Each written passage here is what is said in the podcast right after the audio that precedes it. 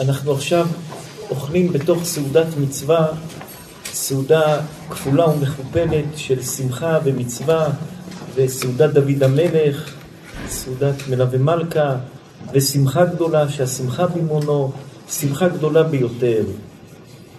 צריך לדעת, יהודי לא רק עובד את הקדוש ברוך הוא בלימוד תורה, ולא רק עובד את הקדוש ברוך הוא בתפילה, ולא רק עובד את הקדוש ברוך הוא במצוות, אלא יהודי עובד את הקדוש ברוך הוא גם באכילה. נניח את כל מה שדיברנו באריכות על סעודת מצווה, שמה סעודת מצווה עושה, השיעור שנתנו ביום חמישי, שזה מגרד את הכתר, ראש כל הספירות כתר, והריח שמריחים, שזה דרגה מעל, וגם השמיעה ששומעים, גם זה חלק מלעורר את הכתר. אבל בכל אכילה שאדם אוכל, יש בתוך האכילה עבודת השם. וניקח וננסה לפרש את הדברים ולפרק את הדברים ולהבין אותם. בן אדם מת, מה קורה לאדם מת? אדם מת, אז כל האיברים הכל מפסיק לחיות, הכל מפסיק לעבוד, קוברים את האדם. אדם צריך לדעת מתי שהוא אוכל, גם הנשמה אוכלת איתו. מתי שעכשיו אכלנו, באכילה הזאתי גם הנשמה אכלה. מה הנשמה אכלה? הנשמה אכלה את החלק אלוקא ממעל שיש בתוך האוכל הזה. ומה החלק אלוקא ממעל שיש בתוך החלק הזה באכילה? אז ידוע מה שאומרים רבותינו הקדושים, בעשרה מאמרות הקדוש ברוך הוא ברא את העולם. ואחד מהמאמרות שהקדוש ברוך הוא ברא את העולם זה שהקדוש ברוך הוא אמר שהארץ תוציא פירות, עדשי הארץ, דשא עשב, מזריע זרע. איפה שכתוב בתורה בבראשית שהקדוש ברוך הוא מבקש שהאדמה תוציא אוכל, תוציא פירות שם יש את האמרה של הקדוש ברוך הוא ובפירות ובאוכל וכל מה שיוצא מהאדמה יש שם חלק אלוקא ממעל. ומתי שאנחנו אוכלים את זה בצורה נכונה ומברכים בצורה נכונה, אנחנו לוקחים מהפרי, לוקחים מהלחם, לוקחים מהשתייה את המשהו הרוחני שיש, שבבריאת העולם הקדוש ברוך הוא במאמרו ברא שחקים, הקדוש ברוך הוא בעשרה מאמרות ברא את העולם, לוקחים משם את החתיכה האלוקית ונותנים את זה מזון לנשמה. אם כך, מה שאכלנו סעודת שבת ובירכנו ודיברנו דברי תורה ושרנו ושמחנו והתדבקנו בקדוש ברוך הוא, לקחנו מכל האוכל הזה את הרוחני ונתנו את זה לנשמה. מתי שעכשיו ישבנו ואכלנו ונתנו ידיים ובירכנו ומדברים דברי תורה על השולחן, לקחנו את החלק הרוחני שבבריאת העולם הקדוש ברוך הוא אמר לאדמה, אחד מעשרה מאמרות שנברא העולם, שתדשי הארץ דשא עשב מזריע ושהאדמה תיתן את פריה, לקחנו את החלק הרוחני הזה והנשמה שלנו אכלה מזה. אדם שלא אוכל ולא אוכל ולא מברך אז האדם הזה חי ברקנות. יש הרבה אנשים שיש להם רקנות גדולה נפשית והם לא יודעים למה. הם הולכים לפסיכולוג, מחפשים למה, למה הרקנות הנפשית הזאת? כי לנשמה חסר את החלק של הברכות שאדם אוכל ומברך והוא משלים בזה את הנשמה. מתי שאתה אוכל ומברך, השלמת בנשמה חלק שחסר.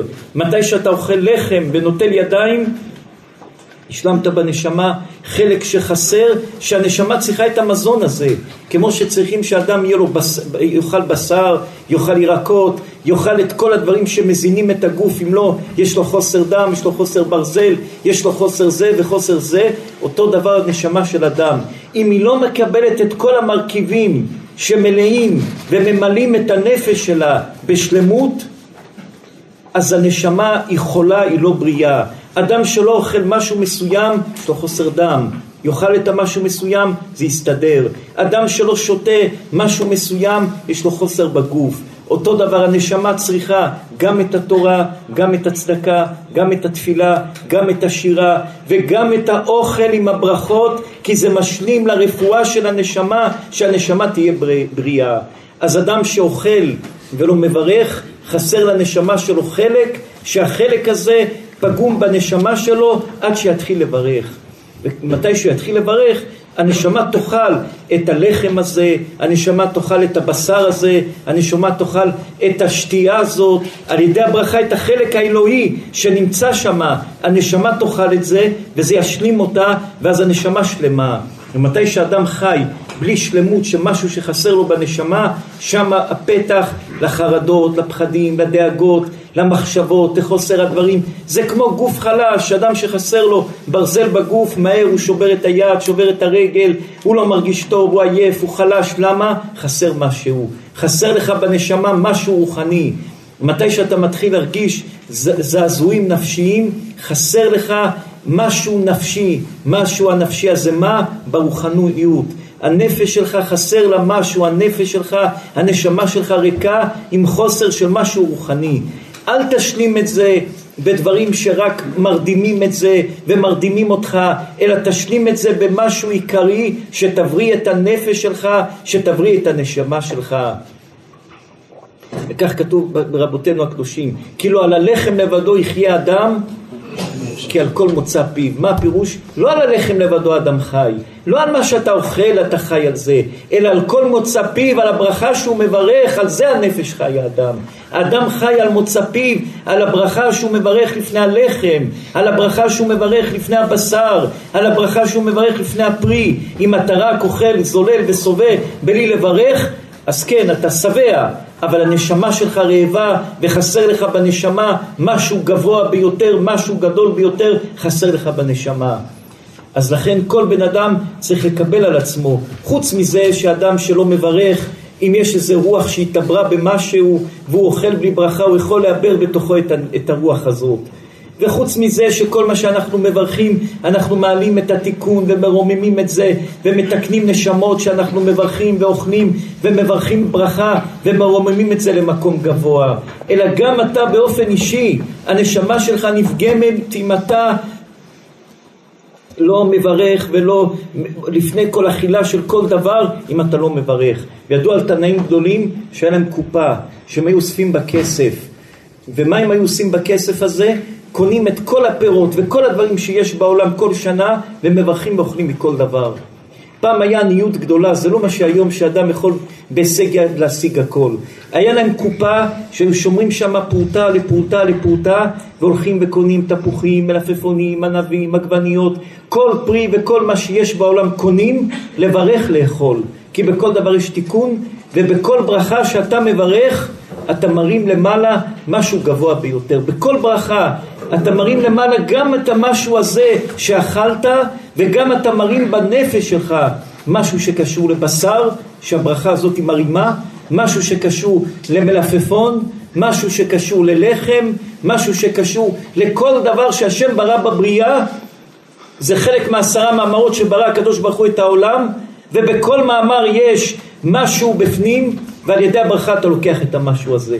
ואז אתה ממלא את הנפש שלך בכל הוויטמינים הרוחניים שאתה חייב, בכל הוויטמינים הרוחניים שבלעדיהם הנפש שלך לא שלמה והנפש שלך לא טובה והחיים שלך לא בריאים ולא טובים. לכן כל אדם צריך להקפיד הקפדה גדולה ביותר. לא לאכול שום דבר בלי ברכה. אין שכחתי, אין לא שמתי לב. ברכת המזון זה דאורייתא.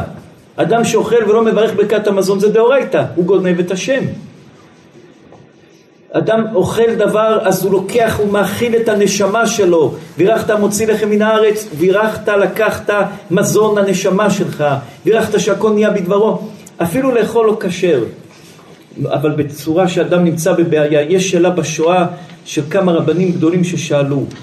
היה זמן שלא היה מה לאכול ואנשים הגיעו למצב של סכנת חיים. והיה לאכול רק טרפות. מה עושים? מה מברכים? באו לשאול רב מה מברכים אותו רב לא רצה לענות, אבל הוא ראה שזה ממש פיקוח נפש. זה הדבר שצריך לברך בכל מיני ברכות, אוכל לא כשר. הוא אמר להם, תברכו שהכל נהיה בדברו.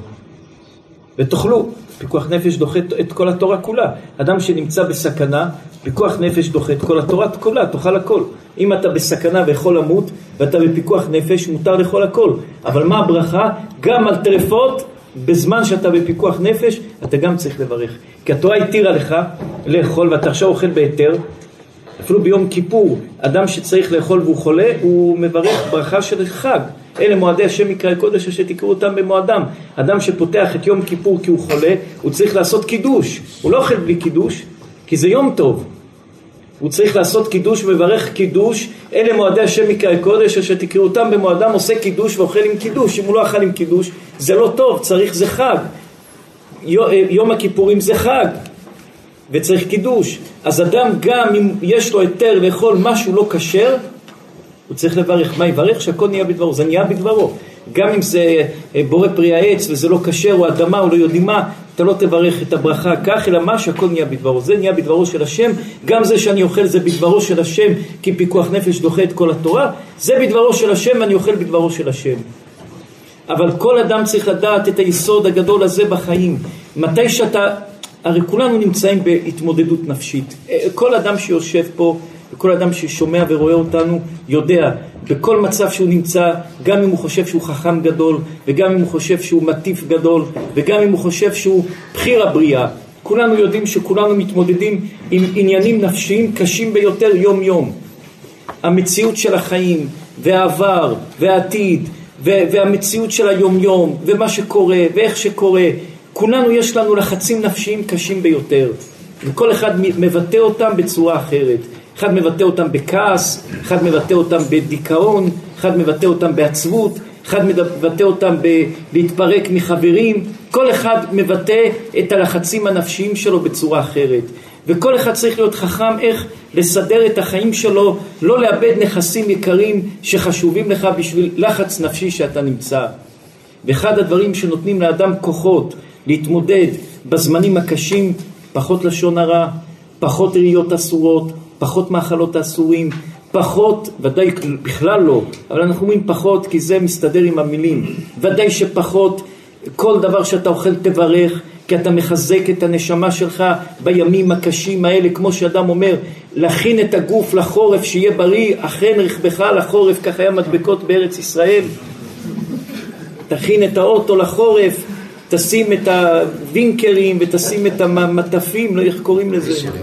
וישרים, שהדבר יהיה אכן רכבך לחורף, אכן נשמתך לימים הקשים שעם ישראל עומד בפניהם ולימים הקשים שעוברים על העולם. איך תכין רכבך, נפשך, לימים הקשים? תקפיד בברכות, אכלת לחם המוציא לחם מן הארץ, אכלת ענב בורא פרי העץ, אכלת אדמה, בורא פרי אדמה, תקפיד בברכות, ברגע שאתה מקפיד בברכות אתה מכין את הנשמה שלך עם ויטמינים שיכול, שהוויטמינים האלו נבראו בבריאת העולם, במאמרו ברא שחכים, אחד מעשרה מאמרות שהקדוש ברוך הוא ברא את העולם, זה תדשי הארץ דשא, שאדמה תוציא, ושם המילה של אלוקים נמצאת, המילה של האלוקים נמצאת בקפה הזה, ובלחם הזה, ובכל דבר מילה של אלוקים נמצאת, היא נמצאת שמה, לכן צריכים לכבד כל דבר, לכן אסור לזרוק לחם לרצפה, לכן אסור לזלזל באוכלים, כי בכל דבר יש את הכבוד של אלוקים. ועל ידי הברכה אתה לוקח את זה, אתה מפריד את זה, אתה מפריד, אתה מפריד את הדברים, כמו שהגוף מפריד. יש בן איש חי מפחיד. הבן איש חי אומר, זה קושייה חזקה. יש פה תלמיד חכמים, נסו לדבר איתנו על זה. יש לנו ברכת האילנות. הבן איש חי אומר בשבת לא עושים ברכת האילנות. מי יודע הסיבה למה בן איש חי אומר לא עושים ברכת האילנות? משום בורר. מה הפירוש בורר? כי בברכת האילנות אנחנו מתקנים ובוררים את הטוב מהרע ואת הנשמות הטובות ובשבת אחד מלמד את מלאכות שהתורה, שאסורים בתורה שהוא במשכן זה בורר אז משום בורר אסור לעשות ברכת האילנות בשבת בחודש ניסן אז איך מברכים ברכת המזון? זה גם בורר איך, איך מברכים ברכת המזון? איך מברכים עכשיו בורא מן המזונות, המוצ... זה גם בורר, אני בורר את הניצוצות. אז אתה אומר לי לא לעשות ברכת אילנות בחודש ניסן בשבת משום בורר ובורר, זה אחד מל"ט מלאכות שהתורה אסרה, גם בשבת ברכת המזון זה בורר, לא נברך חס ושלום ברכת המזון זה בורר. הרי הבן איש חי אומר דבר שהוא, דבר שהוא, אה, רבנו הבן איש חי, מי יכול לעמוד ליד רבנו הבן איש חי, הבן איש חי אומר לא עושים ברכת האילנות בשבת בחודש ניסן משום בורר, מה עם ברכת המזון זה לא בורר? לברך בורא מיני מזונות בשבת זה לא בורר? לברך בורא פרי אדמה זה לא בורר? זה גם אני בורר את הדבר, אני מוציא את הקדושה, מזיז את הדבר פחות קדוש, זה גם בורר. נו, רבי שלמה עזרן צדיק, רבי יואל, רבי מאיר הצדיק, רבי מאיר אליהו קודש קודשים, תלמיד חכם עצום. המנחת יהודה החוכמה מאירים על הבן איש חי. המנחת יהודה ו... בצל החוכמה. בצל החוכמה, כן. הם מאירים עליו, ורבי יהודה אומר שאין דבר כזה ברור בלי אחר. כולם מעירים על הבן איש חי, זה בן איש חי תמוה ביותר. כל המקור הזה שיש נשמות בכלל בעיינות שצריך לראות אותם, זה בכלל בארץ, זה בחמדת ימים. רבי מאיר עכשיו נניח את החמדת ימים, אבל רבי מאיר, אה, אה, אה, מה זה בורר? איזה בורר יש פה? אז תדעו שאומרים על הבן איש חי, שהבן איש חי היה כל כך חכם גדול, שהבן איש חי ידע, אם הוא יתחיל להגיד להם אסור לברך כי הוא חושש מטלטול שיקחו לבית כנסת, מהבית כנסת סידור וילכו לטלטל בשבת וטלטול זה דאורייתא אז אנשים חכמולוגים בעיראק היו מתווכחים איתו שלא, שזה מותר ואפשר לטלטל. מה הוא אמר? נצוצות, בורר. הוא חיפש סיבה איך לא יתווכחו איתו. כי פשוט שאין פה בירור נצוצות, פשוט שאין פה עניין של בורר. בורר אם אתה אוכל ואתה מוציא מהדג את העצמות, או שאתה עושה כך, זה בורר, זה אחד מל"ט מלאכות שהתורה אסרה, שזה ל"ט מלאכות שהיו במשכן. רבי מאיר, ראית, ראיתם את זה או לא? לא, אז זה התירוץ על הדבר הזה. התירוץ על הדבר הזה שהבורר, אין פה בכלל בורר, אין פה, מאן דחר שמי בורר, מה, מה אין בכלל אב אמינא של בורר בזה? אין בכלל אב אמינא של בורר בכזה דבר, על מה בורר? שאני אומר ברכת האילנות, זה קבלה שהנשמות נמצאים ואני מברר את נשמותיהם, זה לא הלכה, אני לא יכול פה עכשיו לבוא להגיד לאדם תעשה כך וכך כי אני יודע בקבלה כך וכך, לא, אני יכול, קבלה זה משהו פרטי שלי, שקיבלתי את זה מרבותיי, אני יכול להגיד לך בשקט, אתה יכול לעשות, לא לעשות, וזה לא דבר שיכול לחייב אותך על פי ההלכה, הלכה זה כן, לא, זה הלכה, אבל הבן איש חי ידע שאם הוא יגיד להם אל תעשו ברכת האילנות בשבת כי אני פוחד שתוציאו את הסידורים ותטלטלו וטלטול בשבת זה דאורייתא אדם שמטלטל בשבת מקום שאין בו עירוב זה דאורייתא אז מה עשה בן איש חי? בן איש חי אמר, הוא ידע שאנשים, יודע צדיק נפש בהמתו, הוא ידע מה קורה בעיר שלו, אז הוא אמר להם אסור משום בורר. אסור משום בורר, אף אחד לא יצא, לא עשו את ברכת האילנות בשבת, משום בורר. איזה בורר? אין בורר, משום טלטול. כי אפשר לומר, אפשר לומר בכלל בורר, אין פה שום אחיזה להגיד בזה בורר. אין בזה שום אחיזה, שום תפיסה. אבל זה גדולה של תלמידי חכמים. זה ההבדל בין תלמיד חכם גדול שמבין את התורה לבין בור ועם הארץ. מה זה עם הארץ? אתה מדבר איתו, הוא עונה לך, הוא לא, הוא לא מבין מה אתה מדבר. אדם שמדבר איתך דרך מסננת של התורה, אז הוא מדבר איתך עם דברים עם מסננת של התורה. גם אם אתה לא מבין אותו, יש שם מסננת של התורה. אדם שהוא לא תלמיד חכם והוא לא לומד והוא לא יודע, הוא שומע פה שיעור תורה, פה הוא לומד איזה דרשה, איזה מוסר, אומר, אין לו את המסננת של התורה. המסננת של התורה היא מוציאה סולת נקייה טהורה. ומתי שאדם בלי מסננת של תורה מדבר איתך, גם אם אתה מנסה להוריד את הרמה שלך אליו ולדבר איתו ברמה של, שלו, אבל אתה לא מבין אותו והוא לא מבין אותך. ואדם שיש לו את המסננת של התורה ומדבר מהתורה, הנה הבן איש חי, אז מי שרוצה לבוא ולחלוק ולהגיד, הוא לא מבין בכלל מה הבן איש חי מה אמר. אתה לא יודע את המצב של הבן איש חי היה.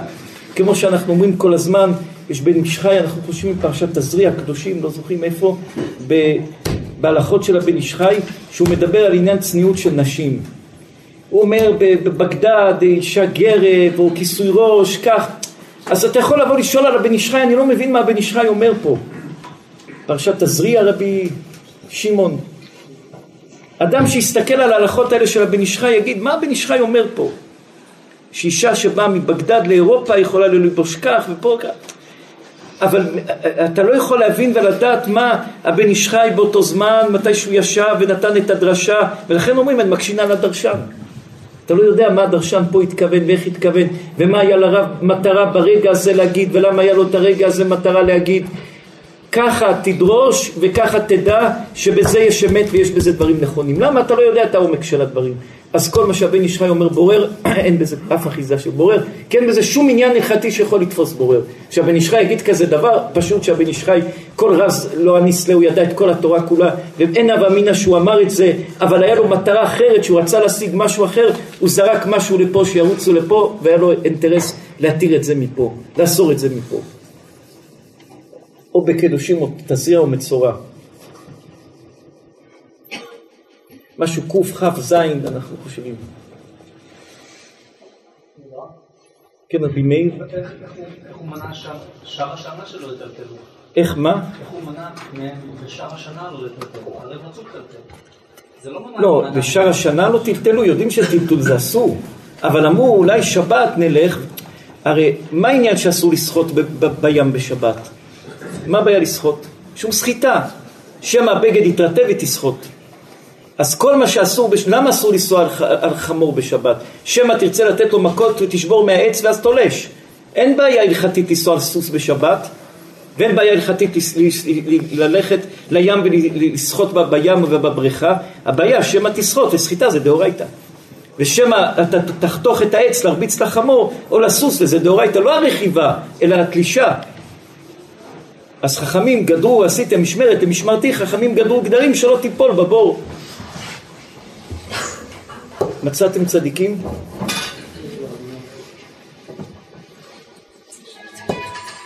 אחרי, אחרי השיעור הטלפוני, זה יותר טוב. מה צדיקים? כן, צדיק, דוד חי צדיק, ילד טוב. דיברתם אה, קודם על האוכל, אז אה, השומר המונים אומר... שמחנו מאוד בטיסה האחרונה לפני הפרידה שלכם לעיר החטאים לוס אנג'לס. אמרתם לנו חידושים יפים ושמחנו בכם, נפרדנו מתוך דברי ההלכה. כן צדיק. השומר המונים אומר שבן אדם שמברך, שלא מברך, אז הנשמה נכנסת ופוגעת בו. אז הוא אומר, הקדוש ברוך הוא מזמן את הבן אדם שלא מברך, אז הוא מזמן לו אוכל שלא ישמנית אותו שום דבר, שלא יפגעו בו פשוט. חזק צדיק. כן צדיקים, אנחנו מרגישים לוס אנג'לס הולך שם להיות, להיות לאנשים עניות גדולה גדולה גדולה. עניות ובעיות והפסדים וצער, אוי ואבוי ללוס אנג'לס. כמה אנשים שם עומדים לאבד את כל מה שיש להם, איי איי איי איי, מסכנים אנשים איפה הדעת שלהם. כן צדיקים, לא אתם צדיק, אתם תרוויחו. מי שעץ חיים אלא מחזיקים בה ותומכי המאושר. כן צדיקים. לא. למה חשוב להדגיש שהוא לא, שהוא צם? הרי מאיך יתאתי שהוא יאכל?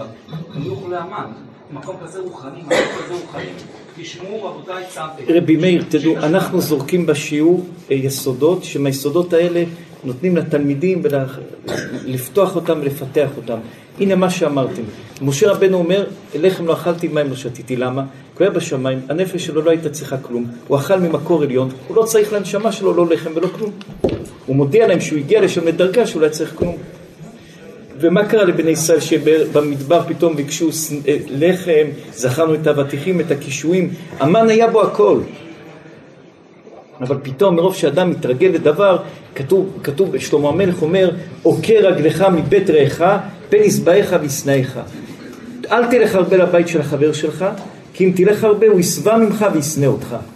אז בני ישראל לקחו את המן כמובן מאליו, ומרוב שלקחו את המן כמובן מאליו, פתאום הם רצו עוד בשר, רצו עוד דברים, אז הם איבדו את המיוחדות שבדבר.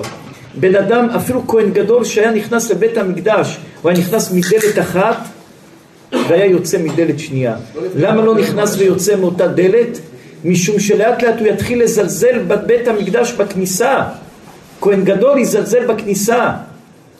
ומה הגדולה של אדם שהוא יודע לשמור על כבוד רבו, אפילו שהוא נמצא איתו חמישים שנה, יודע לשמור על כבודו. יהושע בן נון ידע לשמור על כבודו של משה, אפילו שהוא היה נער, הוא ימוש מן האוהל, הוא ידע לשמור על כבודו. כי לאט לאט עם הזמן אדם אומר, הנה זה פה אני אקצר, ופה אני אעביר, ופה אני אעשה, ואז אדם מאבד את הכל. מתחיל להחליק פה, מחליק פה, עד שהוא מחליק כולו ומחליק ומפסיד את הכל.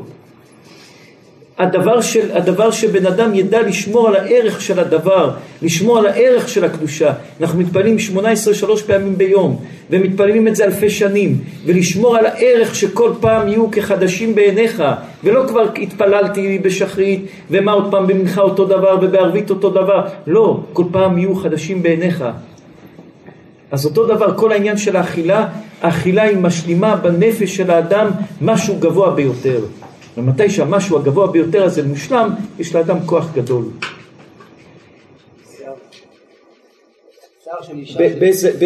זה בתזריע מצווה, פרשת בו. אז יש את זה גם בשנה שנייה. שיער של אישה שדרכה לכסותו, ערווהו, אה, אה, הבן איש חי אומר בפרשת בו, אנחנו חושבים בשנה שנייה בתזריע ומצווה, או שנה ראשונה, שיער של אישה צריך לעשותו ערווהו, כן? אסור לכרות ולהתפלל ולברך כנגדו, ואפילו בשיער של אשתו. ואין חילוק בזה בין אישה חעורה וזקנה, אבל בתולות שדרכן ללך פרועות ראש, וכן שערות של נשים שרגילות לצאת חוץ לצמתן בקצת ארצות, מותר לקרות כנגדן כיוון שדרכן בכך ורגילים הם. וכן נשים שדרכן לעשות שיער ראשם כליות משתלשלים לאחוריהם, כיוון שדרכן בכך מותר לקרותן כנגדן. בספרי הקטן, חי לא פשוט, כן? רבי יוסף אתם מבינים. חי לא פשוט. בספרי הקטן מקפציאל, מה שכבוד הרב התכוון, העליתי שאנשים בערי אירופה, שדרכן ללך תמיד פרועי ראש, מותר לקרות כנגדן. וכיוון שכל הנשים דרכן בכך. פחד, זה פחד, אנחנו לא רוצים להגיד את זה בקול, כן? מה רבי מאיר, אתה רוצה לקפוץ מה לומר? נו רבי מאיר, מה? נו. רבי שלמה, מה, מה, מה אתם אומרים? וגם הוא ממשיך הלאה, אנפולי, אה, גרביים, נעליים, מי הוא שם בערי אירופה, דרכם של נשים ללבוש הנפילאות תמיד, ואין נראה אפילו כלל שהוא מכפות רגליהם. הנה אורח ההולך שם, אף על פי שאשתו אינה נוהגת בכך, כי במקומה דרכן של נשים הולך בכפות רגליהם בגילוי, הנה הוא צריך להיזהר שם, וזה לחשוב כפות רגליהם כולם ממקומות המכוסים כפי מנהג במקום ההוא ואסור לקרות כנגדם. בן איש חי פחד. בבית יוסף שם מביא את הרשב"א, שם הוא עושה את הפסק של זה, שהרשב"א כותב שכל הדברים שהם לרבנן מצד... שכל הדברים רבי שלמה, עוד פעם, שכל הדברים שעשו חכמים, יש שם מחלוקת כאילו על מה חוזרת הברייתא של איסור שם אם זה גם רק בטפח או בשאר הדברים של שיער וכולי. אז מביא רשב"א שהרשב"א כותב שבכל הדברים שהוסיפו חכמים הם תלו את זה בדר- בדרך, כאילו אם יש דרך או אין דרך. אז על פי זה כאילו הבן איש חי מתעסק לפי רשב"א. לא, בן איש חי לא פשוט, כן? בן איש חי לא פשוט, וזה רבנו הבן איש חי. זה לא איזה פוסק, זה רבנו הבן איש חי שהיה בקיא בקבלה, בהלכה, היה בקיא גדול גדול. הבן איש חי היה מאוד פרקטי. הבן איש חי היה פרקטי, רבי יוסף הבן איש חי היה פרקטי בחיים, הוא, הוא ראה את החיים פרקטיים, הוא, הוא ידע מה קורה בעולם, הוא היה מעורב בדברים, הוא היה מעורב בעסקים, לא שלו, של אחים שלו, הוא היה מעורב בפוליטיקה, הוא היה מעורב, הוא היה חי, הראש שלו היה, הוא היה, היינו צריכים בדור הזה להתמודד עם כל מה שקורה, אדם כמו הבן איש חי. הוא היה מעורב, הדעה שלו הייתה מעורבת עם העולם, היה מעורבת איך, היה מעורב כך, ורבנו הבן איש חי זה... זה פחד לומר, פ- פחד, הדברים האלה לא פשוטים של הבן איש חי, לא פשוטים.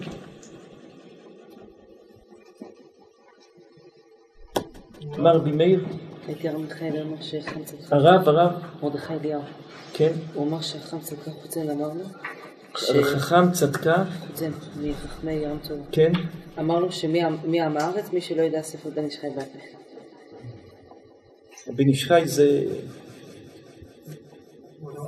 גם הצד של הבן איש חי עם האופניים, כאילו כן. הבן איש חי מתיר אופניים בשבת, כן.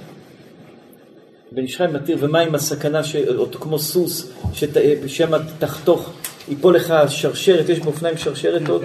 אתם זוכרים היינו ילדים, היה כמו שרשרת באופניים. אז ייפול השרשרת ותרכיב, זה בונה, זה אסור. זו גזירות חדשות לדעתנו, והוא כותב שלא גוזרים גזירות חדשות.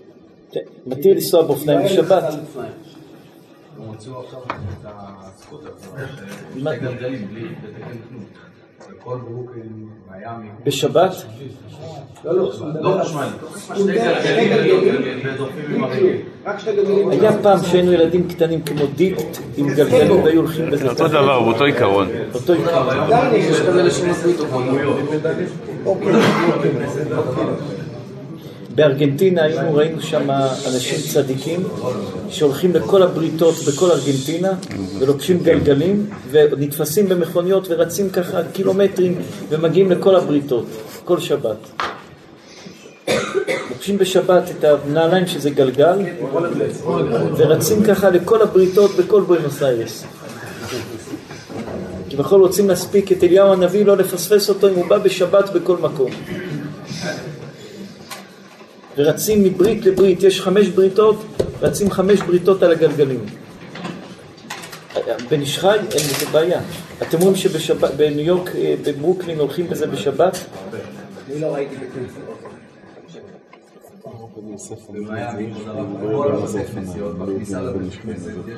מה הרב עובדיה יוסף אומר על זה? שבלבלו אותו, שזה לא אופניים. שזה לא אופניים. זה לא אופניים בכלל. לא, הרב עובדיה יוסף אומר על מה שאמר הבן איש חי, שמן הסתם הבן איש חי לא ידע מה זה אופניים. הבן איש חי ענה את זה למישהו במומביי על האופניים, והרב עובדיה יוסף אומר שכנראה הבן איש חי לא הבין מה זה אופניים, כי הוא טעה בהבנה של האופניים, אז לכן הוא ככה. הוא כותב תשובה שהוא דוחה את הטענה הזאת. אבל התשובה שלו, מישהו שרצה להגיד שהבן שלך לא יודע מה זה אופניים, אבל עובדיה אומר שאסור. הרב יוסף מלא שלא לא לקרוא בתנאים שבת, קצת זלזול בקרוא שבת, אבל לא אומר ודאי זה זלזול בקרות שבת. זלזול בקרות שבת. ודאי כמה פעמים שאלו נכון, אותנו וכולי, בשום לא פנים ואופן, שלו. אופניים בשבת. אמר רבי יוסף צדיק, רבי יוסף ההלכה זה עולם, המוסר זה עולם, החסידות זה עולם, הגמרא זה עולם, וההלכה זה עולם, עול- עולם שבן אדם שלא, יש הרבה אנשים שלא יודעים, יודעים קצת הלכה, קצת, הם מערבבים את הכל ואז גם מערבבים ואז יוצאים אנשים מעורבבים בשכל. אבל אם אתה לומד הלכה כמו שצריך, גמרא כמו שצריך, מוסר כמו שצריך, ואם אתה מגיע לרמה של קבלה כמו שצריך, אז אתה מסתכל על החיים בצורה אחרת. אבל אם אתה לומד ממישהו שיודע איזה מישהו, משהו של הלכה, משהו של גמרא, משהו של התלהבות, איזה שקשוקה אחת, גם הראש שלך נהיית שקשוקה. מה העניין של כל הגדרים האלה? כאילו, זאת אומרת, למה לוקחים את התורה ועושים לה גדרים? כן. כאילו, הבן איש חי אומר, אני אוקיי, אני אעשה גדר עכשיו של עשו כך וכך. מצד שני, ברכת האילנות, לכל דבר יש שעה, זמן ומקום, יש פעולה שהוא צריך לבצע. גם אם זה שבת, זאת אומרת, כן נפגע פה משהו. אז כאילו מחליטים, אז זה- זה תלוי בזמן, מקום ושעה, זאת אומרת, לכל הזמן הזה יש לך עשה חודש ימים, לך לעשות ברכת האילנות. לא, זה אני מבין, אבל למה, למה לעשות גדרים? עכשיו, זה, זה התורה, אסור לטלטל, אסור לטלטל. רבי יוסף- לעשות רבי. יוסף חסר- אז למה, אז למה היום לא קמים ועכשיו אה, קובעים עכשיו הלכות יוסף חדשות עם גדרים חדשים שמתאימים להיום? רבי יוסף צדיק חסר חכמולוגים. שכל מקום יגידו לא, אבל פה איזה רב התיר ופה איזה רב אסר. כל רב, במ- רבי יוסף זה הבעיה. רבי יוסף, למה הקדוש ברוך זה כבר הוא... הופך להיות כאילו פילוסופיה של תורה, זה כבר... רבי יוסף, למה הקדוש ברוך הוא נתן את התורה בהר סיני? למה לא חיכה להביא אותנו לארץ הקודש בהר המוריה בבית המקדש לתת את התורה? כי בהר סיני לא היה יהודי שטס פתאום לאמריקה או טס לאירופה, כולנו היינו שם. שם השם תפס את כולנו במכה אחת. כשנכנסנו לארץ ישראל, זה הלך לסחורה לפה, זה הלך לפה. כבר מישהו היה אומר, אני לא שמעתי, אני לא ראיתי. רבי יוסף היום, הבעיה שהתורה, לא היום, זה כבר זמן. כמה שהזמנים עברו, גם בזמן הגמרא, הדברים התחילו, ל... העולם התחיל להתפתח, וההתפתחות של העולם התחיל ויכוחים. ורבי יוסף עוד דבר, התורה הקדושה, אחד הכוחות שלה זה הוויכוחים. רבי יוסף, אה, ראית יהודי, מאיפה באה כל הטכנולוגיה שהיום רבי יוסף אתה עוסק בה, מאיפה? מהוויכוחים של הגמרא. עם ישראל זה עם של ויכוחים, בואו נראה אולי לא ככה, אולי ככה, אולי לא ככה. אז גם בתורה יש לנו זכות עכשיו פה לשבת ולהתווכח עשר שעות על דבר מסוים. כן, אבל זה, אבל זה פחות ויכוח.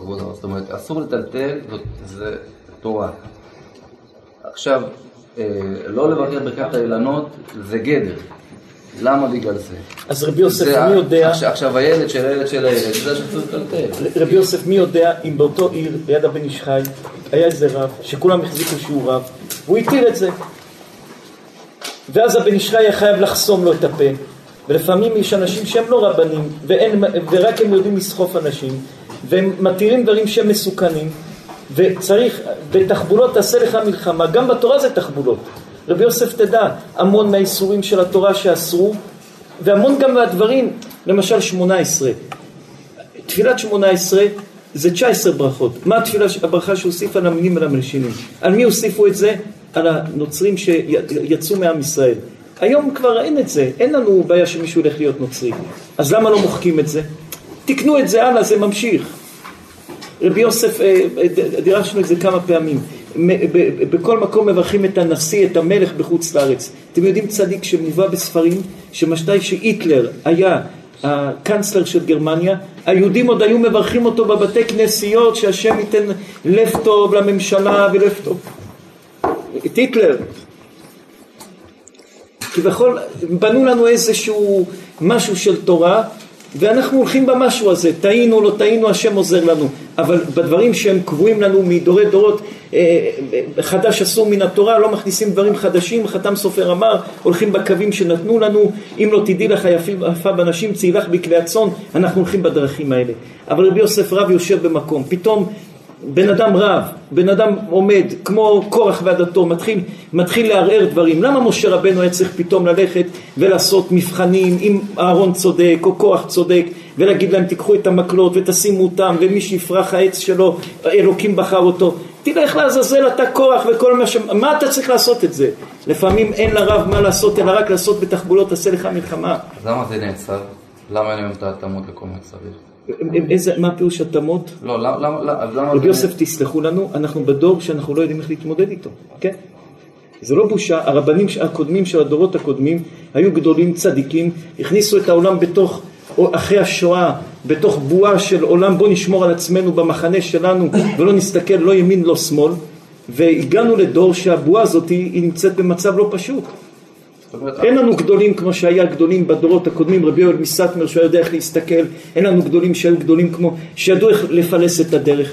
אה, אנחנו נמצאים כמו היה בימי שפוט השופטים, אה, עם ששופט את שופטיו, איש הישר בעיניו יעשה. רבי יוסף צדיק, איך היה חלוקת ארץ ישראל? יהושע בן נון נכנס, כבש חתיכות, אחר כך יהושע בן נון אמר להם תשמעו, אני כבר זקן, אין לי כוח, קחו כל שבט את החיילים שלו, לכו תכבשו את המקומות פחות או יותר, אתם יודעים את המסגרת, זה של זה, זה של זה, זה של זה, לכו לבד תעשו מלחמות. ואז כבר בני ישראל שמה התפרקו, ושם התחיל להיות לעם ישראל בעיות. ראובן נלחם את המלחמות שלו לבד, פעם הוא ניצח, פעם לא. שמעון נלחם את המלחמות שלו לבד, פעם ניצח, פעם לא. היה כמו, כמו קונטונים בשוויץ, כמו פלנגות בכל מיני מקום, כל אחד קבוצה שלו נלחם. ועד שבא שאול המלך בקושי איזן את זה, אחר כך דוד איזן את זה בבריונות. שלמה כבר ישב על המיטה שאבא שלו הכין לו אותה מסודרת, הבן של שלמה כבר איבד את זה, ואז עם ישראל עוד פעם התפרק והתפרק לחתיכות. רבי יוסף כל זמן וכל תקופה, היום בדור הזה אין לנו משהו שמוביל פחות או יותר, אין, אין משהו שמוביל, כל קהילה צריכה לשמור על עצמה, כמה שקהילה קדושה וטובה בצורה נוקשת, בכף חזק, ולראות את. הקדוש ברוך הוא קדימה ולראות מה יהיה אחורה ולהיזהר ולהישמר, אבל לשבת ולהסתכל בספרים של הקדושים, של הדורות הקודמים, מישהו יודע איך להתנהג עם האינטרנט, אף אחד לא יודע בדיוק. מישהו יודע איך להתנהג עם כל מה שקורה בעולם, אף אחד לא יודע. כן, אסור, אסור, אסור, אסור, אסור, אסור. רב גדול זה רב שמתיר היתרים, לא עושה איסורים. אז אין בעיה, היתרים, יש דברים שאסור להתיר, אבל אסור, אסור, אסור הזה מביא את העולם למקומות לא טובים. וצריך להיזהר גם לא לחצות את ה... להתיר דברים שאת אשר אסרת התרתי ואת אשר התרת אסרתי. רבי יוסף, ועוד נאריך בזה בהזדמנות בדיבור. רבי פנחס מקוריץ אומר למה משיח מתעכב? כי כל יום יש רבנים שאוסרים עוד דברים. ועד שלא יקיימו את כל האיסורים שכולם אסרו לא יבוא המשיח. אז כל יום עוד רב אומר זה אסור וזה אסור וזה אסור. מספיק, די, עם ישראל יש להם מספיק. הרי מה, מהי המלחמה של היהדות והנצרות? הנצרות באה ואמרה, הרי הנצרות הייתה חלק מעם ישראל היד ימין של רבן גמליאל, הגבאי של רבן גמליאל, היה הלך להיות יד ימין של אותו האיש. הגבאי של רבן גמליאל, האיש רבן גמליאל, נשיא של עם ישראל, הוא הלך להיות הגבאי של, של אותו האיש, הלך, עזב את רבן גמליאל, את הנשיא של עם ישראל. וכמה אנשים שהיו גדולים בתורה, תנאים, זה היה תנאים. וכביכול מה הם עשו משהו חדש? אנחנו דת אהבה, הכל מקבלים, הכל אוהבים, תעשה מה שאתה רוצה, העיקר תבוא יום ראשון לכנסייה, יש לך איזה בעיה, תלך לכומר, גנבת, רצחת, רק תספר לו, הוא יבקש מאלוקים והכל יסתדר, זה דת אהבה הם קראו לזה. מה שאתה רוצה הכל מותר. דת אהבה אנחנו אוהבים את כולם, מכבדים את כולם, מחבקים את כולם, הכל מצוין. ואז עם ישראל היה במשבר גדול, היהודים, הרי זה היה, זה היה כת בעם ישראל. רבי יוסף הם כולם יהודים. אחרי זה בא יעקב, אח שלו, יעקב קראו לו, ג'קוב, יעקב, לא יודעים איך קראו לו, והוא הלך והוא אמר שגם קיבל נבואה שלא צריך רק אה, יהודים, אלא גם לא צריך ברית מילה וגם גויים יכולים להכניס, ואז הם פתחו את זה ופרצו את זה לכולם. אבל זה, זה דבר שכביכול היה דבר שהוא, ואז מה חכמים אמרו? כל ישראל יש להם חלק לעולם הבא, כביכול אל תדאגו, רצה הקדוש ברוך הוא לזכות את ישראל לפיכך יבהם תורה מצוות, התנאים היו מתמודדים עם אנשים שהיו באים ואומרים להם תסלחו לנו, קשה לנו, גם שבת, גם, גם לימוד תורה, גם צדקות, תשבו עם עת ודף. כמה שבתות יש בשנה? 54. פסח כמה ימים? שמונה, עשר ימים, 54 ועוד עשר? כמה? 60 ו... 64. עכשיו יום שישי לומדים, עובדים חצי יום, תוסיפו את זה ביום שלם פחות או יותר בשנה, כמה זה? כבר נגיד 70 ימים מגיעים. סוכות כמה זה? עשר ימים. כיפור, בקיצור, יהודי חצי שנה לא עובד. רבי יוסף כן או לא? אנשים מתייעצים איתנו, עובד את השם שמתייעצים איתנו לפתוח מסעדה באמריקה, אנחנו אומרים להם לא, חצי שנה אתם צריכים לשלם שכירות סתם ואתם לא עובדים. יעשו חשבון, חצי שנה, 70, 60 אחוז מהשנה יש לנו חגים.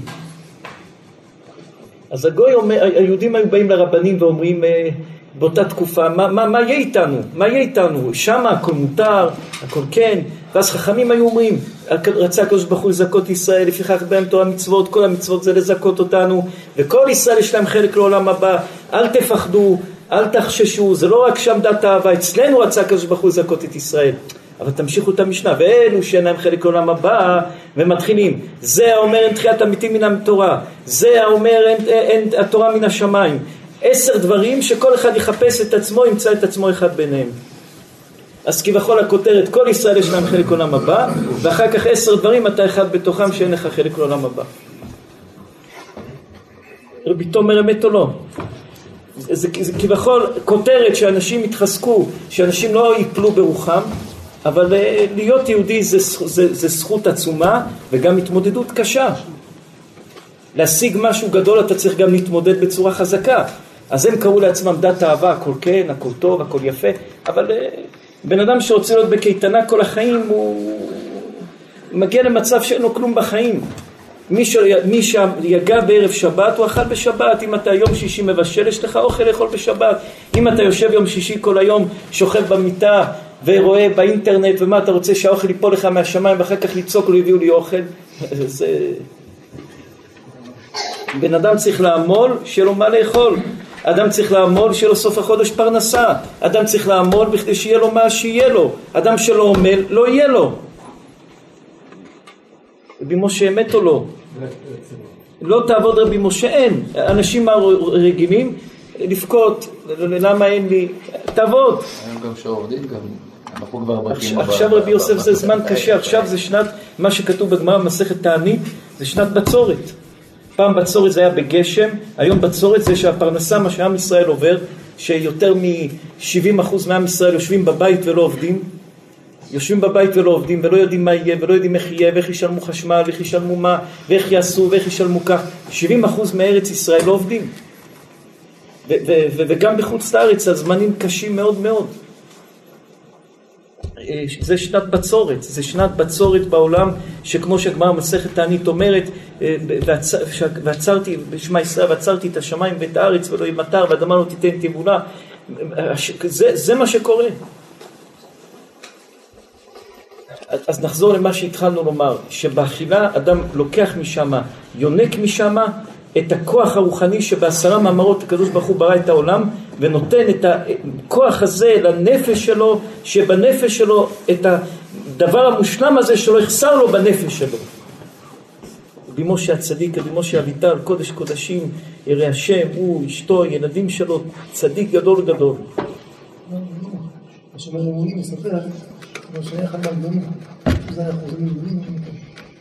זה צדיקים, ואחד היה רעיון וסיבובים גדולים ביותר. ואחרי זה נכנסו לצדיק אחד, אחרת לגמרי, לתלמידים, שניהם מאותה דרגה. הראשון היה עושה את העניות הגדולות ביותר. השני היה אוכל בקדושת האכילה.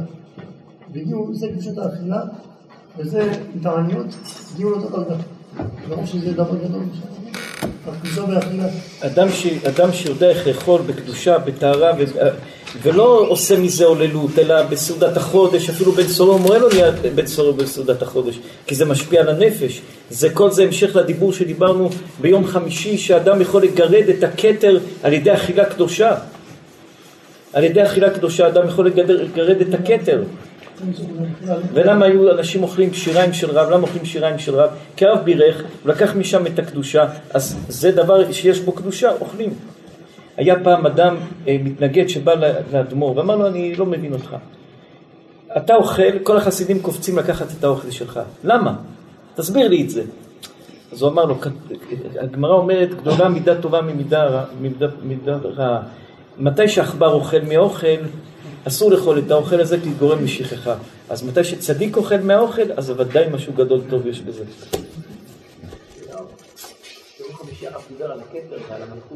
על. מלמעלה עד למטה. הרב דרש וגם כתב לפני הרבה שנים, שאסתר אמרה, צום אליי שלושת ימים לילה ויום, גם אני מנערותיי צום כן. ויצא המן שמח וטורף, הקושייה של כבוד הרב, איך התורה כותבת על המן שמח. כבוד הרב תירץ כי הוא אכל עם הצדקת. אז כביכול אסתר זה היה כביכול הכתר. ושם... הוא אכל, קיבל מה... אז היא אמרה צום עליי לילה ויום, מהדבר הגבוה ביותר, עד כתר חוכמה בינה, שלוש ימים, שלושת ימים, יכול, פה היא עוררה את המעלה הגדולה של ה... יכול לעורר את המחלים על עם ישראל. עצום. את החלק הראשון של השיעור כולנו הבנו שאכילה זה כמו תפילה. אם אוכלים ומברכים, מביאים לנשמה איזשהו דברים שאי אפשר להשיג אותם במקומות אחרים. ונשמה שהיא חלשה, סימן שאתה לא אוכל משהו, שהמשהו הזה עם הברכה אתה מתקן ואתה מחזק את הנשמה שלך. חסר לך איזה סוג של אה, ויטמין לנשמה בחוסר של הברכה על משהו מסוים. לכן מתי שאנשים אומרים לנו אני לא אוכל בשר, לא, אנחנו אומרים להם תאכל לפחות עכשיו, בשבת, תברך, משהו, שיהיה לך את זה, למה? צריך את זה בנשמה. הברכה הזאת על הדבר הזה משפיעה על הנשמה. אפילו משהו, תברך חתיכה קטנה, תשים, שזה יהיה בנשמה ברכה, זה עוד איזה גן שבגוף, עוד איזה ויטמין שהגוף שלך צריך אותו. רבי יגאל צדיק, עדיל אשכנדה במרוק, תאיתך ותאיתך, נחה ביקון על הרסי. עדה תאיתך, תאיתך. השבת. בברכות יש אנשים שחושבים שבברכה כן. זה חושב שכשמברכים, חס ושלום מוסיפים לשם. כשעושים חסד, בוראים מהשם, סוף ברוך הוא שלם ומושלם. יוסף, מה אפשר לעשות ככה אנחנו. זה נשאר ממאות שנים, אותו לאירוע, זה מחליק אותו. לא, אבל זה נופל, למה? כן, זה שאלת אותי, למה זה נופל כל הזמן? אתם מבינים עוד ערבית. יוסף, אי אפשר לקחת את מרוקו. אתם עוד יוסף יודעים טוב ערבית? לא, לא, לא יודע. אבל הבנתי מה אתה אומר. כן, רבי יגאל. אספת הזה שהברכות למעשה מתקנים את הנשמה ובמשלימים את הנשמה, רשמנו כנגד אור אנוש, לא רק שהם מדברים את הנשמה. אתם יודעים שהקדושים, הצדיקים היו אומרים לא לדבר שום שפה בשבת קודש, רק כלשון הקודש.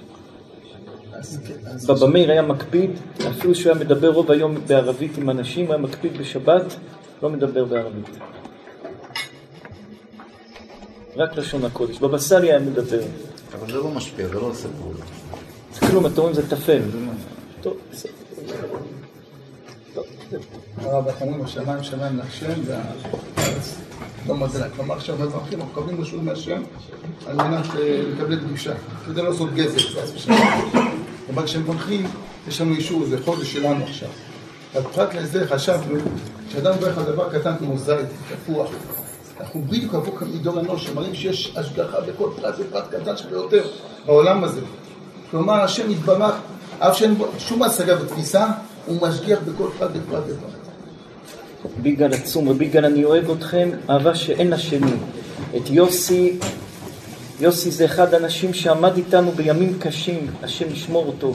אורן הצדיק, קודש קודשים, אוהב אהבה עצומה, חבר חברות עצומה, אשרי מי שחבר של אורן, אורן מיוחד, שמשמור אתכם ויברך אתכם. רבי אסי, כל מילה מיותרת, אתה קודש קודשים, מיוחד שבמיוחדים, אור גדול, שמחה גדולה. עוד אדם שבא מארץ ישראל, גילי לא פה, גילי צדיק. למה הוא מתחבא מאתמול, היום? הוא מרגיש טוב נראה לי. גילי צדיק, גילי קדוש, גילי טוב, אוהבים את גילי הרבה. ובגילי צדיק אוהבים אתכם מאוד מאוד מאוד. אנחנו מברכים אתכם, תודה רבה שאתם איתנו, והאישה שלכם הצדקת הגדולה, הצדקת הגדולה, אשתו של גילי קודש קודשים, שמשמור אותה ויברך אותה וישמח אותה. נאמר עכשיו דבר תורה להצלחה של גילי ולאישה שלו הצדיקה. דבר תורה עצום, עצום, עצום, עצום, עצום. הכוסות של אחשוורוש. כן, צדיק. אחשוורוש. כן, צדיק. יש את היסוד של הרב מיכל בת שאול ודוד המלך,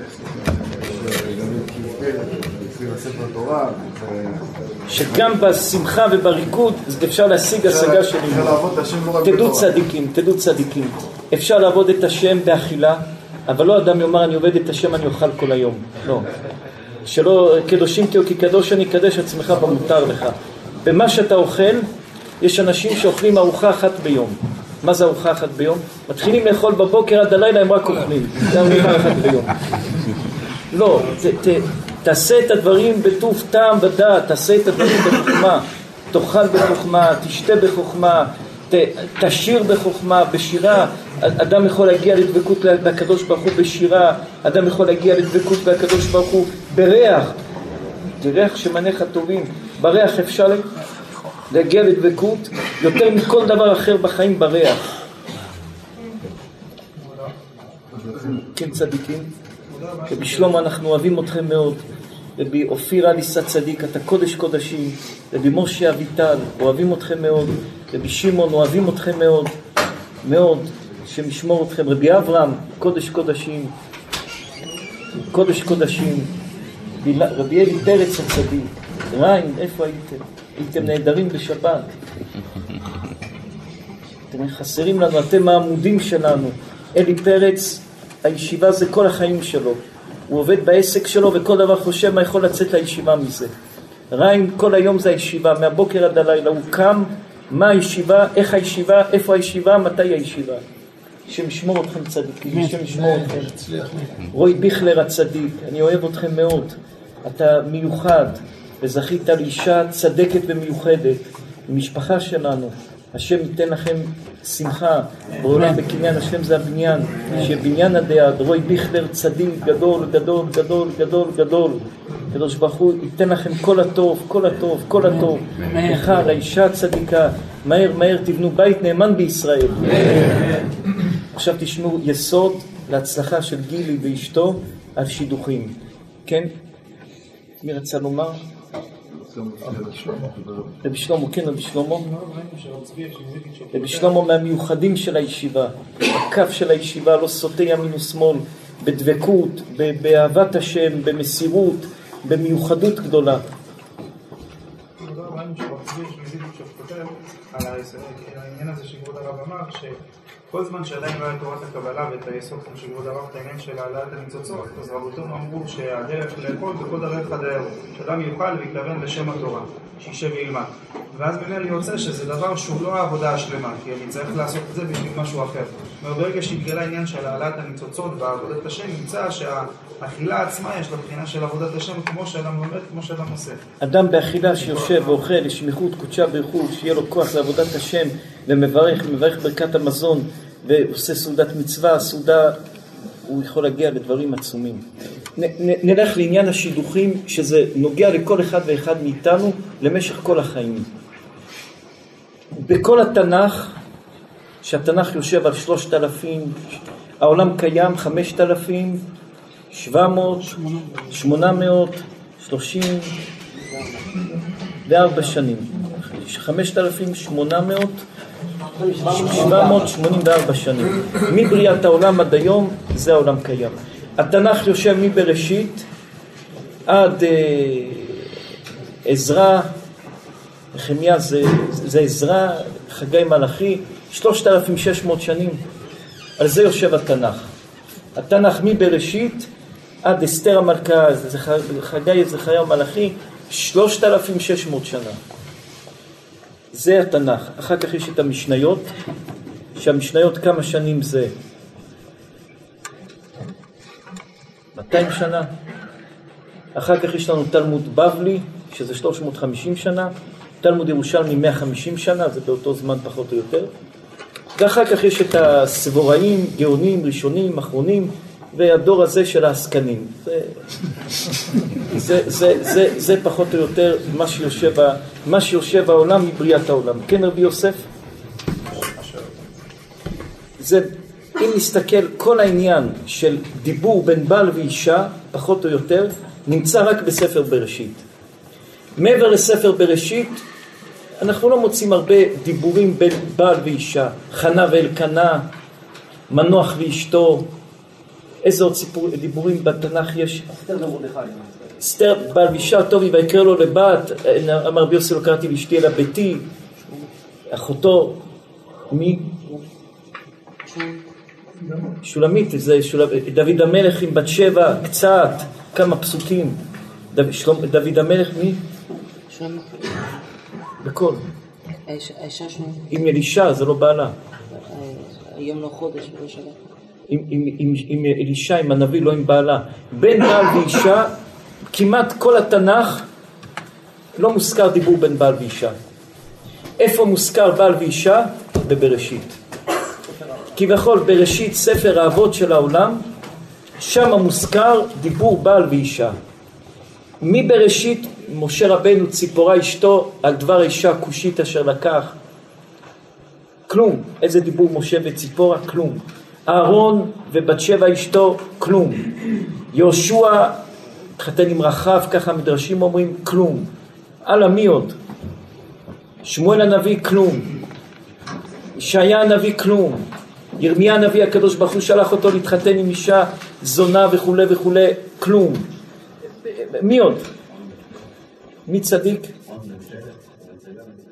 עוד מפלט זה בתורה, מה אשתו אמרה לו, אל תלך, כן תלך, רבע פסוק. מדרשים זה משהו אחר, מדברים על התנ"ך. ישעיה יש נב- נבואה של אשתו, רבי מאיר, אתם אוהבים כל דבר להגיד איפכא מצד מסתברא. אז טוב, אז טוב, אנחנו רוצים שתמשיכו. מי, מי, איפה, מי? שמשון, כן, אה, רבע פ... משהו קטן, לא איזה משהו, איזה דיבור. חנה ואלקנה, אנוכי טוב לך מעשרה בנים, אה, מה עוד, פסוק וחצי. מה, מי עוד, ומי עוד רוצה להיזכר איזה דיבור בין בעל ואישה בתנ"ך? אמרנו מנוח צדיק, גם מה, פסוק וחצי. מי צדיק? מי, מי צדיק? דבורה וברק הוא לא בעל ואישה. דבורה הייתה נביאה, ברק היה שר צבא. הם לא, זה לא היה בעל ואישה. מי צדיק? מי? מי? בועז, טוב, התחתנו, בועז רק התחתן עם רות, אותו לילה, בבוקר כבר הוא מת. התחתן איתה, התעברה מאותו לילה, ובבוקר הוא מת. שיחה, זה, זה אפילו לא היה בעל ואישה, הם היו, הם היו נשואים אה, שש-שבע שעות והוא מת. דלילה הייתה פלישתית. זה לא... אז כל מה שרואים דיבור בעל ואישה, כביכול איך מתנהגים בעל ואישה, דיבור של בעל ואישה, זה בספר בראשית. אברהם ושרה, הרבה מדברים בספר בראשית, אברהם ושרה, אחר כך יצחק ורבקה, אחר כך יעקב ורחל, יעקב ולאה. אז זה רואים ארבע צורות של קשר בין בעל ואישה. ארבע צורות של קשר של בעל ואישה שמובא בספר בראשית איך מתנהלים נו.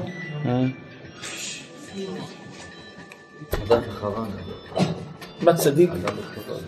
אדם וחווה, כן, זה משהו ארוך מאוד, כן? אדם חווה, וחווה אישה. הנה עוד אחרים קמים, כמו כלב נובח, כל הכלבים נובחים. חס ושלום לא יודעים אפילו של מי זה מצלצל, אבל כל הטלפונים אחרי השיעור ידליקו אותם. יכול לא, אפילו לא צריכים להגיד לכבות, רק אומרים להדליק.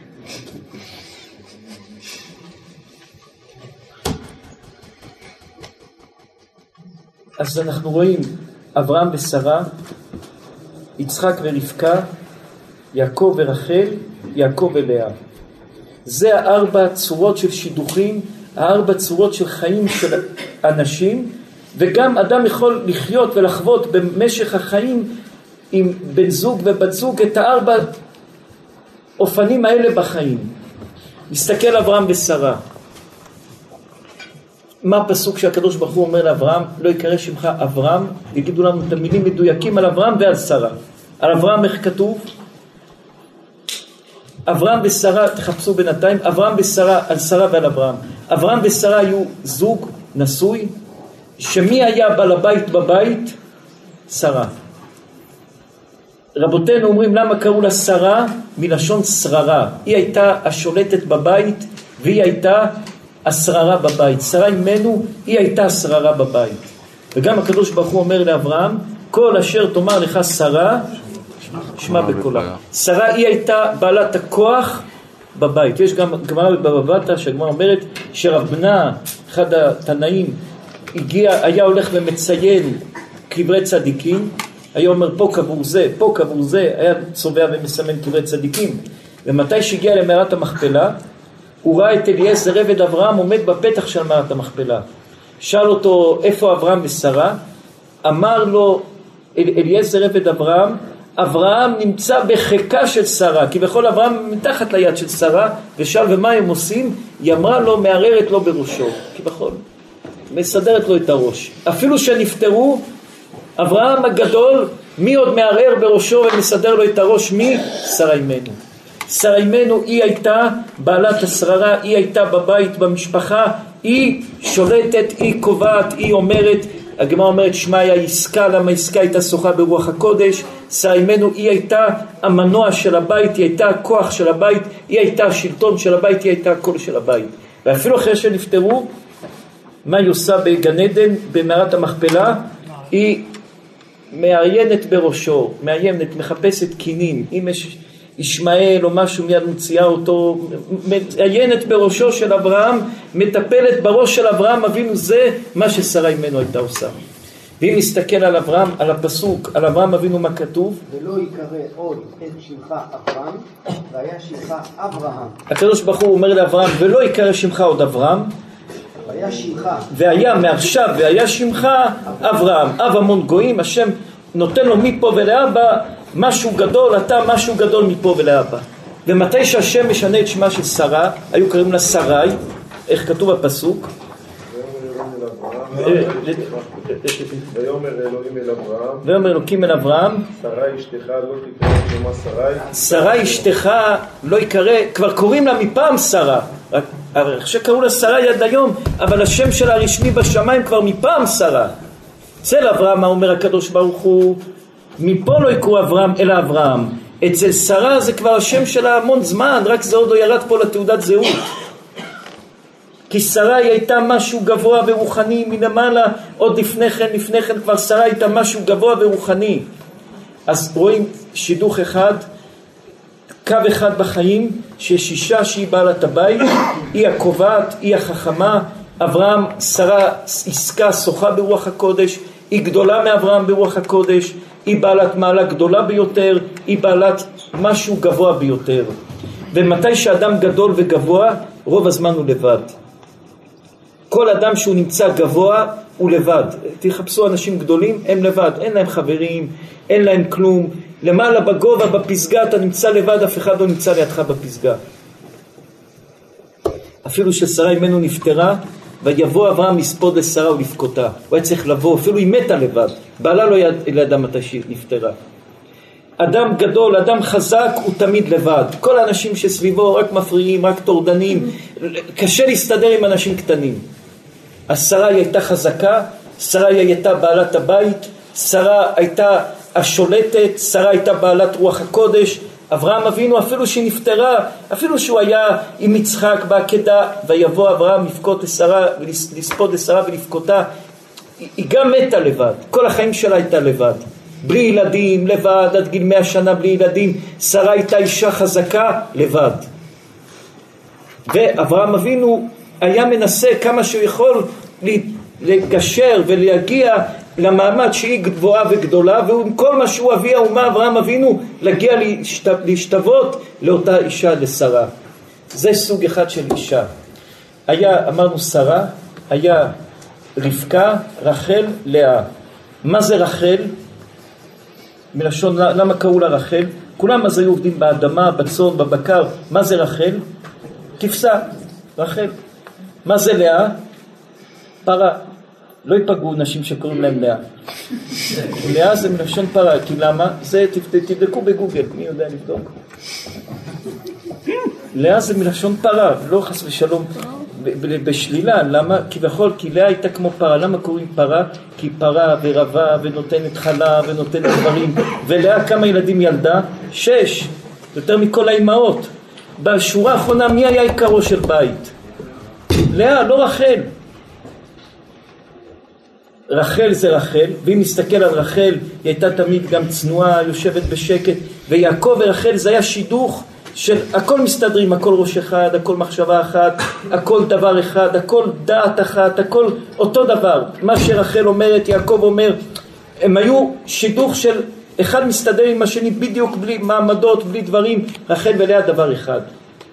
אז יש סוג של שידוך אחר בחיים, תקופות בחיים, שבן אדם עם אשתו זה כמו יעקב ורחל, הכל מסתדר, הכל הולך, הכל טוב מאוד. מצאתם שלאה זה פרה? יש המפרשים את השם לאה על פי הערבית פרת בר, ועל פי האכדית פרה, במקבילה לרחל, אשר פירוש שמה הוא כבשה. זאת אומרת רחל כבשה, וכבר ולאה היא פרת בר פרה. מה שאנחנו אומרים רק תחפשו תמצאו. אז רחל זה כבשה ולאה זה פרה. אבל חס ושלום לא לשתילה. אדם שקוראים אשתו לאה לא יקרא לה פרה, לא חצי. זה רחל, זה, בערבית, ככה הם, התרבות שלהם, ו... על פי הערבית ועל פי האכדית פרה. הכדית, מה זה הכדית? כדית זה שפה עתיקה ממשפחת השפות השמיות. ורבקה זה מלשון איפה ששמים את הכבשים, רבקה זה מלשון איפה שלוקחים את הכבשים לאכול, קוראים למקום הזה רבקה. מהר תבדקו. המקור מה שנקרא נקרא ראשון מרפק, שפירושו עגל מפותם. יש עוד, ברבקה זה גם מקום איפה ששמים, מלשון קשירת צק. מה צדיק? אה, יש מפרשים את שמה מלשון קשירת כמו שקשור. כי נולדו בבית, בבית אה, משק. כביכול כל מה שקראו לאמא, מה, מה היה פעם הדבר הכי חשוב? היום אדם, יש נשים שפעם האבא היה יהלומן, הוא קרא לבת שלו יהלום, יהלומית. לא כל מה שאדם היה מתלהב מדבר הוא היה קורא. יש אדם, אישה שקוראים לה ספטמבר, אוגוסט, כל מיני אנשים שקוראים להם את השם על שם, אה, על שם דברים שהיה לאדם בו איזה, ככה, כל מיני אנשים בראש שלהם, איך שהם חושבים. כל מיני אנשים עם הראש שלהם, איך שהם חושבים ואיך שהם קוראים לילדים שלהם. אז רחל ויעקב היו, כל אדם בחיים עובר תקופה כמו שרה, תקופה כמו רחל ויעקב. ורחל ולאה זו תקופה שכביכול, לאה זה היה כמו כשנואי. כביכול דבר שהוא, ובסוף מהדבר שנראה שהוא שנואה הוא, מזה נבנה כל עם ישראל. מדבר שנראה שהוא הדבר השלילי ביותר והוא הלא טוב ביותר, בסוף יעקב אבינו קבור עם לאה, חי עם לאה יותר מרחל, רוב הילדים שלו לאה, ההמשך שלו המלכות זה יהודה, לאה, הכהנים זה לאה, הלוויים זה לאה. אז בן אדם צריך לקחת את הארבע דברים האלה של השידוכים שראינו בספר בראשית ולדעת איך לצייר את זה בחיים ותמיד אדם צריך לשים בכיס שלו שלוש לשים, לחרות על הלב שלו שלוש דברים. אחד, מה אתה ציפית למצוא בשידוך? שתיים, מה שידוך ציפה למצוא ממך, גם תרשום אצלך. ואת השלוש קשה לכתוב, זה מה השם תכנן בשבילכם. מה אתה ציפית מהשידוך שלך ומהאישה שלך אתה יכול לכתוב. מה האישה שלך ציפתה ממך, אתה יכול לשאול פחות או יותר. ומה השם כתב בדף בשבילו, בתוכניות שלו, זה החיים יגידו לך מה השם כתב בדף בתוכניות שלו. מה צדיק? היינו, הרב ברוך גרנמן אומר שאחד מהרבנים החשובים, הוא אומר שהוא היה פיקי מאוד בשידוכים. מה זה פיקי? מאוד אה, ברמה. הוא ביטל המון המון שידוכים על ימין ושמאל, ובסוף הוא מצא את אשתו שהוא בדק ובדק. הוא אומר, אחרי שהוא התחתן, הוא גילה שכל מה שהוא חשב שיש בה, לא היה בה, והוא אומר, ברוך השם שלא היה בה, כי לא הייתי מצליח. כמו שכבוד הרב אמר, מה ציפיתי, ובסוף מה הקדוש ברוך הוא תכנן. אדם יכתוב בלב שלו, באיזה נייר במוח שלו, יכתוב מה הוא ציפה, מה אשתו ציפתה, ויחכה לראות מה השם כתב ומה השם תכנן. אנחנו צריכים לשמוע את השיעור טוב הזה לפני 20 שנה.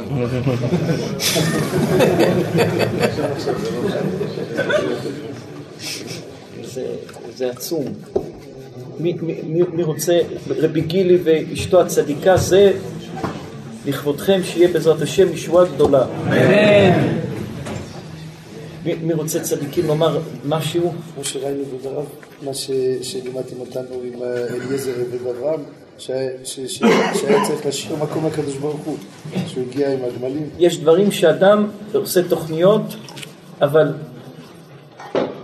ויאמר אני שולשלת, אתה צריך לאשר לקדוש ברוך הוא. אתה יכול לתכנן הכל הכל הכל, אבל בדרך אם יקרה כל מיני דברים שלא תכננת, זה התוכנית של השם. והתוכנית של השם יותר טובה מהתוכנית שלך. וגם אם אתה חושב שזה לא מסתדר לך ולא טוב לך, התוכניות של השם הן התוכניות הכי טובות. יש פעם, כבוד הרב, שהיום אה, אה, קובעים פגישה, יש פגישות שלא רוצים לקבוע אותם, אז קובעים אותם, זה נקרא טנטטיבי.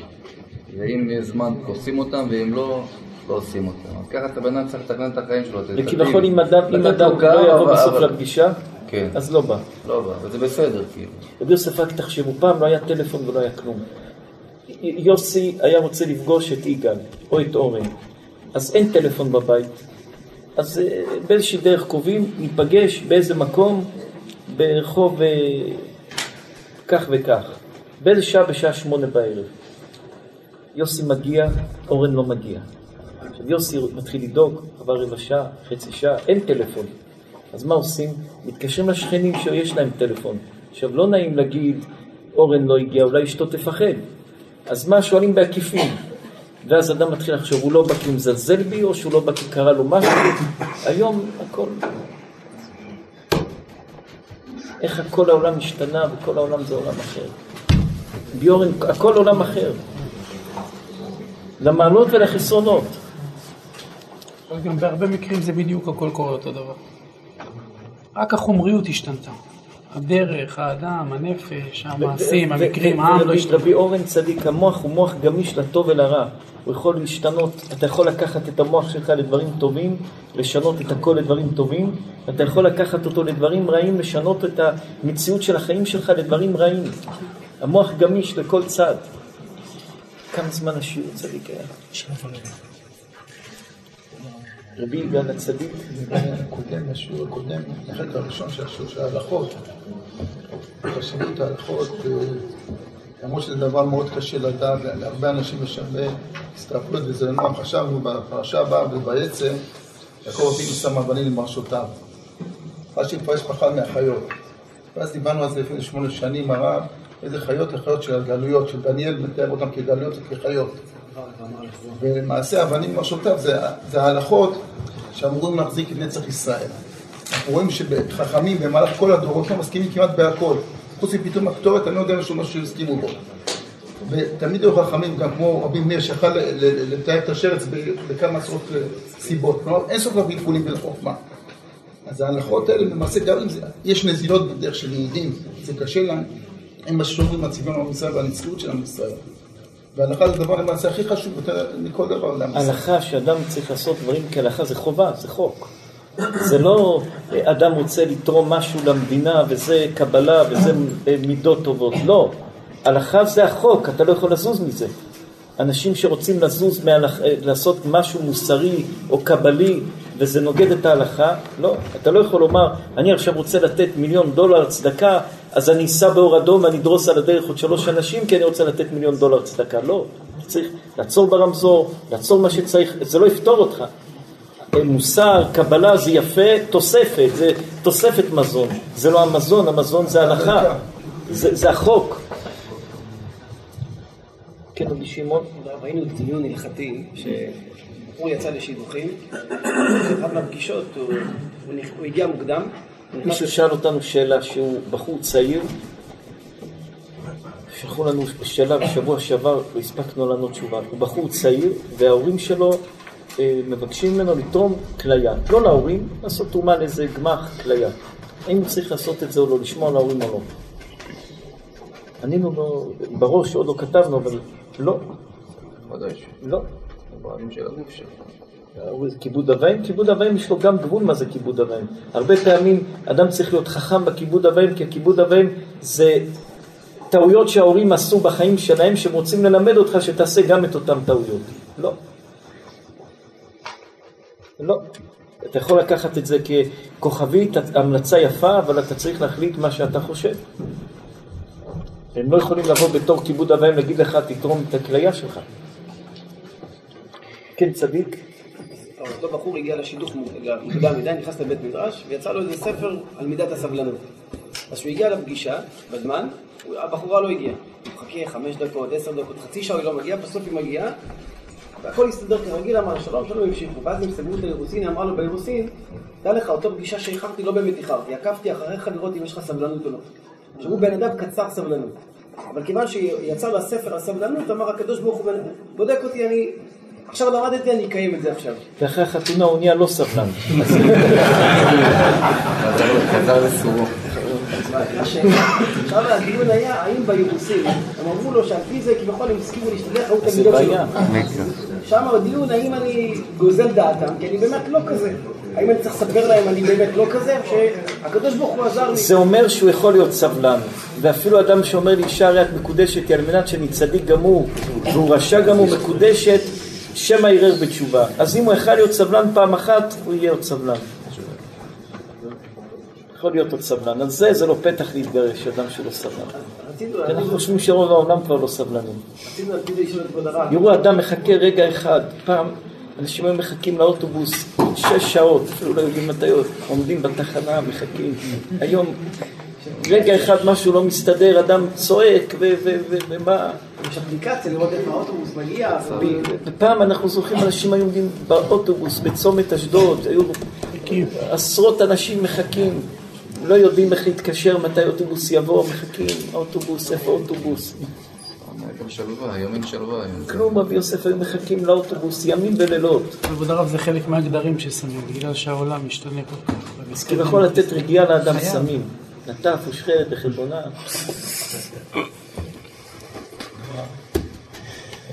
בעניין של שידוכים, הם אומרים שיסוד בעניין של ברגע שבאה אישה על הבית, אדם יכול להתעשר או בחומש, או במעשה מעשה בחובה חומש, בביטחון ואמונה, או על ידי לשמח את אשתו.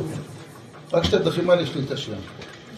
וחשבנו הרבה איך, ואיך אומרים להתעשר, כי הוא נשך רוח איתה, איך להתעשר, או במלבוש או בתכשיט. הוא- מלמד את כל החברים את ההלכה הזאת שנקראים תכשיטים לאנשים. עשיתי פרסום כזה הרב מאוד עכשיו הרב, כבוד הרב, חשבנו על זה. חשבנו, הרי יש איזה מדרש, לא זוכר מאיפה, פשוט מאוד, שיש עניין של גימטריה פשוטה, שאיש זה 311, אישה זה 306, חסר חמש ביניהם. יש את העשר קריאות שכללה האדמה, אדם וחווה, ותשע שם- אה, תשע אדמה, הנחה של אדם וחווה, עשר ועשר. ובין הקללות זה בצד החובה תוכל להכין. ובין הקללות של האישה, זהו עד פה תחום רשות הרבים.